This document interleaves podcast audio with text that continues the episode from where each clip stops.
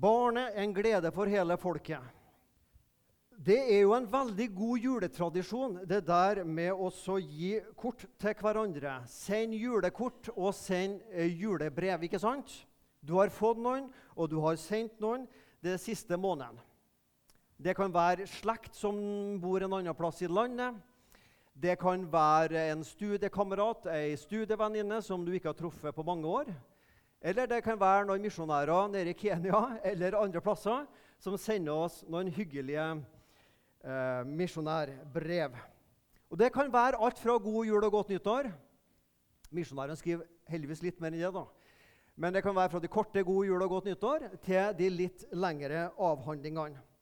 Og Jeg har fått mange brev, og jeg ser jo det at eh, det er jo ofte solskinnshistoriene fra det siste året vi tar fram i julekorta og julebrevene.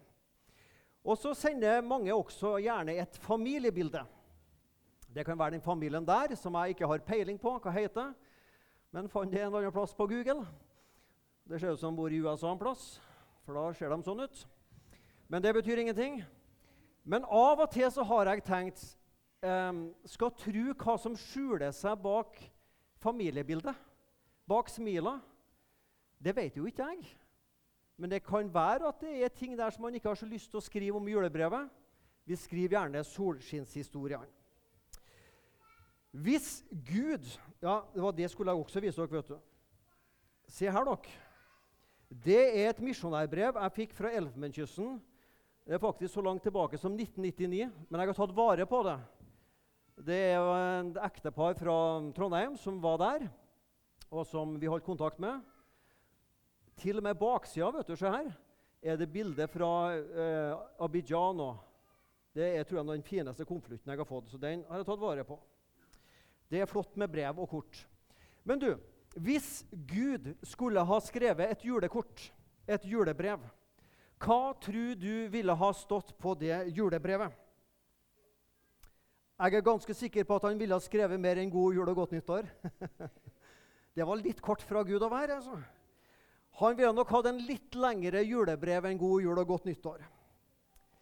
Folkens, nå er det sånn at Gud har allerede sendt oss et julekort, et julebrev. Og vi vet hva som sto i det julebrevet som ble sendt for 2000 år siden. Det hender av og til at jeg ser postmann Pat komme utafor døra mi, og så putter jeg noe brev og noe kort og noe aviser oppi postkassen. Men når Gud skulle sende det første julekortet, hva slags postbud brukte Gud? Det var ikke Bring og det var ikke Posten, men hva heter det første postbudet som, eller det postbudet Gud brukte da han skulle sende julekortet? Det var engler Gud brukte når han skulle sende sitt første julekort til noen gjetere i en liten by som heter Betlehem i dagens Israel. Og vi vet hva som sto på det julekortet. folkens. Der sto det men engelen, altså postbudet, sa til dem, frykt ikke, for se, jeg forkynner dere en stor glede. Skal vi lese det sammen? Da blir det liksom litt mer vårt, folkens. Men engelen sa, frykt ikke, for se, jeg forkynner dere en stor glede, en glede for hele folket. I dag er det født dere en frelser, som er Messias, Herren i Davids by. Og dette skal dere ha til tegn. Dere skal finne et barn som er svøpt og ligger i en krybbe. Det var Guds første Ja, det var verdenshistoriens første julekort. Sendt til alle, men formidla til noen fattige gjetere først. Skrevet med guddommelig gullskrift, med hvite, skinnende, himmelske sendebud. Og på det julekortet der så sto det ord om Ser du hva det står om? Det står om glede. Det står om fred. Det står om en nyfødt baby, og det står om en frelser. Glede, fred, nyfødt baby og en frelser. De julekortene jeg får, dem står det til meg og kona mi. Og de brevene du får, så står det din adresse. Det julekortet her, det var stila Det var sendt til de snille barna. Ja, også de snille barna, men også de slemme barna. Det er stila til alle folk i verden. Til deg og til meg. Jeg sa det nettopp at Av og til når vi skriver julebrev fra siste året, så tar vi fram noen sånn solskinnshistorier, hva som har vært veldig kjekt det siste året. Gud kunne virkelig skrive en solskinnshistorie. For det har Gud sagt, at når Jesus kommer, så skal det være som en soloppgang som gjester oss fra det høye. Gud kunne virkelig skrive en solskinnshistorie fordi Jesus er som en soloppgang som kommer til vårt mørke. Og gi med glede. Den største og viktigste av alle julegaver, den har Gud gitt oss. Så har jeg med en liten julegave her. Det er en julegave fra meg sjøl til meg sjøl. Og når du ser hva jeg pakker opp nå, så vil jeg tro at mange av dere begynner å le. Det, vil si, det er helt greit at du ler når du ser hva jeg har kjøpt til meg sjøl. Det er en sånn en. Helt innerst så er det en bitte, bitte liten baby. Og den lille babyen som dere nesten ikke kan se, den kan vi egentlig bare kaste. Og så kan vi sette på den store dame øverst, og så vil ikke du se at babyen mangler.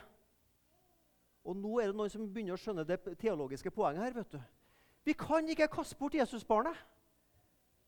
Han må være med. Vi kan ikke tette igjen, og så er Jesusbarnet bort. Han må vi ta vare på. Utrolig hva man kan få ut av ei sånn dokke. Som man kjøpte på julebyen i Egersund. Så jeg fått drevet litt reklame for det også. Den største av alle julegaver ble gitt julenatt en bitte, bitte liten baby. Ingenting spesielt i utseendet med den babyen i forhold til alle andre rødsprengte babyer som kommer ut. Men Gud ga, og det ligger i Guds DNA å gi. Gud gir. Gud elsker å gi, og Gud elsker ved å gi. Er du med på den? Gud elsker å gi, og Gud viser sin kjærlighet ved å gi. For så høyt har Gud elsket verden at han Han ga. For sånn elska Gud verden, på denne måten, at han ga Jesus for oss og Jesus på korset. Det er noe guddommelig med dette å gi.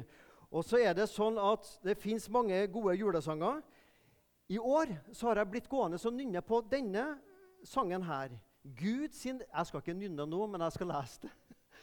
Gud sin egen sønn og skav, nå ved juletide. Derfor går et lovsangshav over verden vide. Derfor fra det høye kor lyder det her nede. Gi, det er din sak på jord. Gi og gi med glede. Å gi, det er Guds sak. Og Gud ønsker at vi skal gi. Derfor er det så flott at vi kan gi julegaver på julekvelden. Fordi Gud har vist oss et eksempel å gi seg sjøl. Guds hjerte elsker å gi. Og Gud har en viktig gave å gi oss. Han har den aller viktigste gaven. Han gir seg sjøl.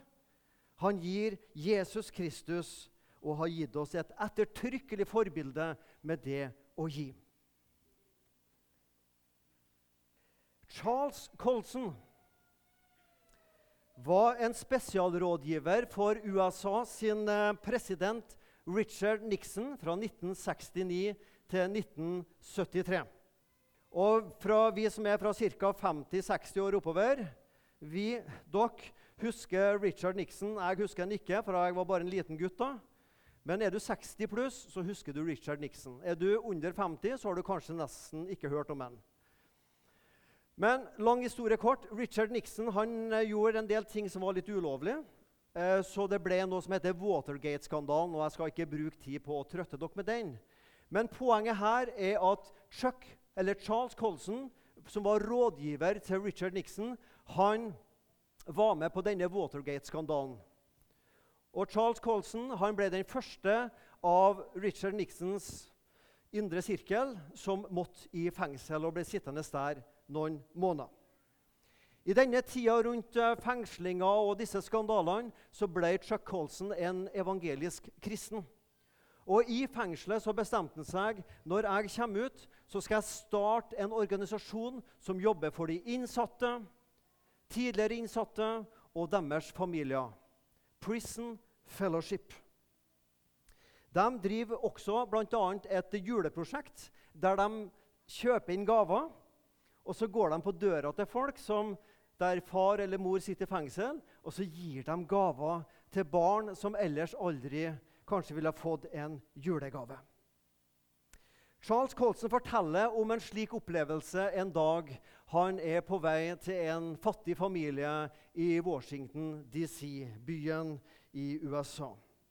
Og Han kommer til en gammel leilighet som er slitt, der eh, enkelte vinduer henger og slenger kun på den ene hengselen, og varmeradiatorene er sprengt, og ingen varme i huset, og en fire-fem barn springer vilt omkring og hyler og, og, og leker seg fordi mamma er på jobb for å tjene noen penger.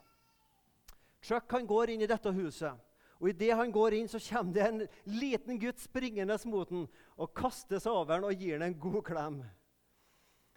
Og så spør Chuck så spør den lille gutten hva heter du. Jeg heter Chuck. Jeg heter Charles. Jeg heter Chuck, sier denne mannen. Og du, da? Hva heter du for noe? Jeg heter Immanuel, sier gutten. Heter du Immanuel? Ja, jeg heter Immanuel. Ja, Vet du hva navnet ditt betyr? Nei. Nei, Det visste ikke gutten hva navnet betyr. Kom her, så skal du se hva navnet ditt betyr. Og Så går denne mannen ned på sine knær. Og så Fra innerlomma finner han fram en liten Nytestamentet. Og så blar han opp i Matteus kapittel 1, vers 23. Og så leser han Se her! Kom og se hva navnet ditt betyr. Immanuel, det betyr, det betyr Gud med oss. Med oss er Gud, betyr navnet ditt. Akkurat idet de er der på kne og Chuck forteller gutten hva navnet betyr, så kommer mammaen hans hjem. Og gutten han går fort opp på beina. Og så springer han mot mora si og sier 'Mamma, mamma, Gud er med oss! Gud er med oss!' Chuck Colson går ut av denne leiligheten etter en stund og forteller i ettertid at når han går nedover denne kalde, snøfulle gata i Washington, så er det som om disse ordene fra denne gutten klinger ennå inni ørene hans. Gud er med oss! Gud er med oss! Mamma, mamma, Gud er med oss! Og så sier Chuck jo, men det er jo det som er det vår tro handler om. Gud er med oss. Det er det som er julas håp. Se, jomfruen skal bli med barn og føde en sønn og gi ham navnet Immanuel. Det betyr Gud er med oss. Kristendom i et nøtteskall handler det at Gud velger å være med arme, syndige, skrøpelige mennesker som deg og meg. Han kunne godt bare ha kosa seg med engler og de hellige himmelen, men han velger å være med sånne som deg og meg. Og jeg tror ingen tidspunkt i løpet av året er bedre enn nettopp nå i jula, sammen med påska, at du og jeg ydmyker oss på nytt. For første gang, hvis du ennå ikke kjenner Jesus, eller kanskje for femtiende gang, daglig si 'Jesus, jeg trenger deg'. Det lille barnet, lille unnselige barnet som er skjult i ei dokke. Vi kan ikke ta dette lille barnet bort fra den kristne troa. Jesus Kristus, Guds gave, gitt som et barn i en krybbe, gitt som en frelser på korset, som sto opp igjen for at vi kan få kjenne Gud. Gå ikke glipp av Guds julegave nytt liv, nåde, tilgivelse. Det deles ut i ei krybbe. Du får det ved korset, og Gud rekker det til deg fra ei tom grav. Herre Jesus Kristus, vi takker og priser deg for at du kom, for at du var villig å komme fra den høye himmel ned til vår arme jord. Fra renhet og godhet til skitten jord, til skitne hjerter, til mennesker som har tanker og gjerninger som ikke tåler dagens lys.